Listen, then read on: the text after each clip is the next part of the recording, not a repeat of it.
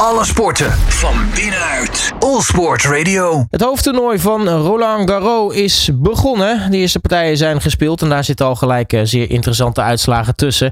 We gaan erover in gesprek met uh, Stefan Kok, de hoofdredacteur van uh, Tennis Magazine. Uh, Stefan, hele goede middag. Hey, goedemiddag. want ja, de eerste dag stelde eigenlijk al gelijk niet echt teleur wat dat betreft. Want nou ja, een dame die in topvorm is de laatste weken, ons Jabeur, eigenlijk wel een outsider voor de titel die uh, mag al gelijk inpakken. Ja, nou, ik ben blij dat je me toch gebeld hebt en niet mijn uh, deskundigheid in twijfel uh, hebt getrokken. Want in de podcast De Tennistafel noemde ik ons Beur mijn winnares voor het toernooi. Maar de eerste dag sneeuwde het al. Ja, dat, dat, is natuurlijk bizar. Want als er iemand de laatste weken op gravel in, in vorm was, was zij het wel. Ja, naast Iga Swiatek, die als eerste is geplaatst, Beur echt inderdaad in bloedvorm. Maar Magda Linet was haar tegenstander in de eerste ronde op zondag. En 7-5 derde set wonnen, won de Poolse dat. Heel verrassend. Ja, en, en die Poolse, die, die Linette, eh, als we het daarover hebben, wat, wat, wat voor speelster is dat? Want uh, nou ja, als jij gelijk al zo kan verrassen in, uh, in zo'n toernooi, of, of was het eigenlijk Jabeur die niet het achterste liet zien van de ton? Ja, precies, dat is het meer hoor. Um, het was heel close. Eerst zette uh, won Jabeur nog wel, maar daarna een tiebreak naar Linette. Ja, dat is gewoon een subtopper, een leuke top 100 speelster. Maar ik ga nou niet zeggen dat zij opeens helemaal doorstoomt naar de kwartfinale of verder, wat dat betreft. Ja, dan is het in ieder geval leuk dat ze de, de zondag heeft, uh, heeft overleefd. Maar dan uh, is het al waarschijnlijk wel snel klaar. Uh, ja, ja, ik denk niet dat we verder nog veel van haar gaan horen dit toernooi. Maar je weet het natuurlijk nooit. Het vooral bij het vrouwentennis. Het blijft verrassend. Dat maakt het ook wel heel interessant. We hebben heel veel nieuwe Grand Slam kampioenen gehad, gehad de laatste jaren. Dus ja, waarom niet? Maar ik zet mijn geld er niet op in.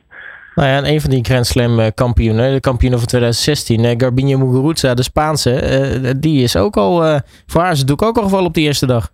Ja, klopt. Maar dat is misschien toch iets voor de insiders iets minder verrassend. Uh, Muguruza wel als tiende geplaatst.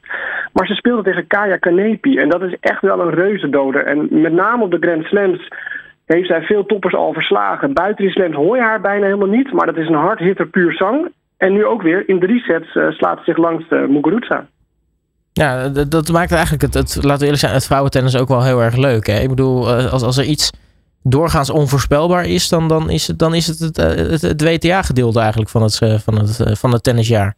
Ja, klopt. Kijk, het heet niet voor niks een wedstrijd. Dus we willen natuurlijk altijd strijd zien. En kijk, in het verleden met de mannen bijvoorbeeld, die Big Four, dan wist je al wel, hè, die vier grote jongens die komen sowieso een kwartfinale, halve finale en die verdelen de prijzen. En zeker bij die vrouwen is het nu al in de eerste rondes wat je zegt. Verrassingen, ja, hier en daar. Dus dat maakt het hartstikke leuk. Ja, behalve voor de mensen die toevallig dan die mensen in, in, in hun Roland Garros pool hadden zitten. Ja, nee, dat klopt, ja. hey, uh, nu uh, hebben we natuurlijk uh, met, met Ia Swiatek een, een, een, nummer 1 die eigenlijk het best wel heel erg goed doet. Normaal gesproken was het de laatste jaren eigenlijk altijd een beetje afwisselend. Nou ja, Ashley Barty hield dan even een, een poosje vol totdat ze stopte. Maar is Swiatek zo jong al, zo ontzettend goed? kan zij het vrouwentennis, denk je, misschien de komende jaren toch wel een beetje gaan domineren? Ja, zij is echt een, een tennister puur zang. En, en niet vergeten, de laatste vijf toernooien heeft zij gewoon gewonnen. Dus ze is natuurlijk nummer één geworden omdat Barty ermee stopte. Maar ze is ook een waardige nummer één nu. Ze heeft een winststreak van, van in de twintig wedstrijden. En uh, heeft Roland Garros al een keer gewonnen. Dat kwam eigenlijk uit het niets, zeg maar, dat grote toernooi uh, destijds. Maar ook haar setsuitslagen allemaal heel dik. Ik geloof dat ze 43 sets heeft gespeeld de laatste keer. En, en en maar 42 gewonnen. Ja, dat, dat zijn natuurlijk wel, uh, wel, wel cijfers waar u tegen zegt. Ja, absoluut. En zij is echt veruit de grote favoriet uh, voor de titel opnieuw. Uh, speelt heel graag op gravel. En ja, niemand komt aan haar niveau. En, en, en het is een hardhitter wat tegenover haar staat. Op iemand die juist weer erg vertraagt en heel um, creatief speelt. Maar ze past zich aan. Ze heeft op alles een antwoord op dit moment. Dus echt een waardig nummer 1. En dan uh, kijken bij de mannen. Daar uh, zat uh, één verrassing in de Nederlandse hoek. Want Tellen Griekspoor, die, die won zijn partij van Davidovic Fokina. Ja, dat mag wel een uh, verrassing uh, genoemd worden. De, de Spanjaard was als 25e geplaatst, haalde voor zijn kwartfinale. En uh, Tellen Griekspoor ging niet helemaal fris richting Parijs. Hij speelde vorige week in Genève, had wat last van zijn lies, van zijn schouder, wat blaren. Nou, verliest de eerste set en denk je van, nou ja, hm, het gaat niet echt de goede kant op. Maar komt daarna ijzersterk terug met 6-0, 6-4, 6-3 in set 2-3-4. En echt een verdiende overwinning, echt heel knap. Ja, hoe, groot acht je de kans dat, uh, dat, dat Tellen Griekspoor eigenlijk echt een beetje dat is wat Botik deed, eigenlijk uh, wel echt kan aanpikken bij het, uh, bij, bij, zeg maar het echte ATP-niveau. Want nou ja, vorig jaar heeft hij natuurlijk ontzettend goed gedaan op, op Challenger-niveau. Maar ja, dit jaar is natuurlijk voor hem ook gezien zijn, zijn sterke ranking mondiaal gezien natuurlijk wel echt een stap hoger. Nee, absoluut. De moeilijkheid is ook dat, dat hij minder wedstrijden speelt. Op challenger-niveau haal hij overal wel een paar rondes. Ja, op ATP-toernooi moet je er eigenlijk staan vanaf het eerste moment. Uh, heeft een aantal keer eerste ronde verloren. Ja, dan duren die weken ook best wel lang als je zo weinig speelt. Dus ik kwam misschien niet helemaal met vertrouwen naar Parijs. Maar boekte een geweldige overwinning. Uh, was niet helemaal fris ook van de week ervoor. Dat wat last van lies, een schouder en wat blaren.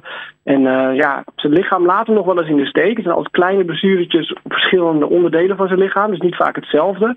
Dus dat vertrouwen in zijn lichaam moet hij ook hebben. maar hij kwam heel goed voor de dag gisteren. Ja, nu uh, staat hij uh, in de, de tweede ronde tegenover uh, toch een, een, een, ervaren Italiaan, Fabio Fognini. hoe acht jij de kansen voor, voor hem? Oh, nou, sorry, van de Zandschulp is dat trouwens. Van de Zandschulp speelt tegen Fognini en ja. Tellen Griekspoor heeft zijn tegenstander nog niet helemaal bekend. Die, die spelen vandaag tegen elkaar.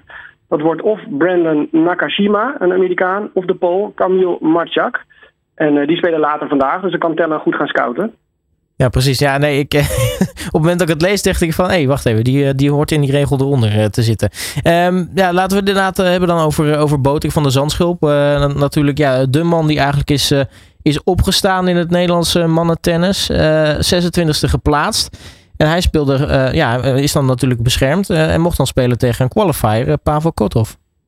Ja, dan zou je denken op papier, nou lekker, een qualifier. Die staat in ieder geval heel laag op de ranking. Maar aan de andere kant, ja, die Pavel Kotov heeft wel drie wedstrijden in de benen allemaal gewonnen. Dus die staat wel met vertrouwen te spelen. Is al wat gewend aan de baan, aan de ballen en, en omstandigheden. Uh, heeft die druk misschien wat meer van ik ben een geplaatste speler, dus ik moet dit gaan winnen. Dat zag je misschien ook wel in de eerste twee sets. Die uh, gingen gelijk op, 6-3, 3-6. Maar daarna dan zie je toch de kwaliteiten van Botik. En uh, slaat hij die qualifier weg met zijn 3-6-2. Dus die staat inderdaad in de tweede ronde tegen Fabio Fonini. En dan uh, is uh, dan de vraag, wat zijn de kansen van, van Botik tegenover Fonini? Ja, ik denk heel groot. Um, Fonini is wel een favoriete speler van Botek, gaf hij aan. En dan weet ik niet of hij bedoelt van als speelstijl tegenover mij of als persoon. Uh, maar Fonini, ja, je weet nooit met welk been hij uit bed is gestapt. Hij kan echt fantastisch spelen. Heeft ook uh, in Monte Carlo heel groot Masters 1000 toernooi uh, heel goed gespeeld in het verleden. Houdt van gravel, kan dropshots slaan, kan versnellen, kan vertragen, is heel snel op de baan. Dus die is echt heel erg allround. Maar ik denk met de power van Botik dat Fonini wel een heerlijke speler is. Als een match-up, zeg maar, tegen elkaar van uh, speelstijlen. Ja, dus wat betreft echt wel kansen voor, voor hem, zeg maar, voor de volgende ronde. Ja, absoluut. En eigenlijk hoop ik het ook, want ik kijk al met een schijnoog naar die derde ronde, want dan wacht niemand minder dan Rafael Nadal. Maar goed, Bodik zal zover misschien nog niet kijken, stap voor stap. En dat is natuurlijk eerst uh, die kleine Italiaan. Ja, want dat is natuurlijk ook al gelijk een, uh, prachtige matchup tegen, tegenover Nadal.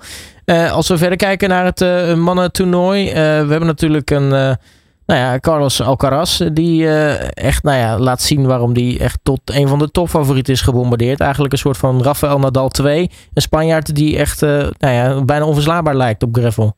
En hij is pas 19. Ja, dat is ongekend. Uh, nummer 6 van de wereld op die leeftijd uh, treedt inderdaad wat dat betreft in de voetsporen van Rafa Nadal. Ja, dan moet hij er wel Roland Garros winnen, wil hij dat echt gaan doen. Maar iedereen kijkt eigenlijk naar die bovenste kwart van het speelschema. Daar zit Novak Djokovic, Rafa Nadal en die Alcaraz met z'n drietjes bij elkaar. Um, ja, in hoeverre mag je hem nu al bestempelen als de favoriet? Ik vind nog steeds Djokovic en Nadal de favoriet als die uh, aan de start verschijnen. maar bij de boekjes staat Alcaraz al op nummer 2. Ja, kan je nagaan hoe, hoe snel dat gaat. Want uh, nou ja, uh, inderdaad, uh, Novak Djokovic hebben we het nog niet eens over gehad. En nou ja, Rafael dan dan een klein beetje als hij dan hopelijk Botik treft.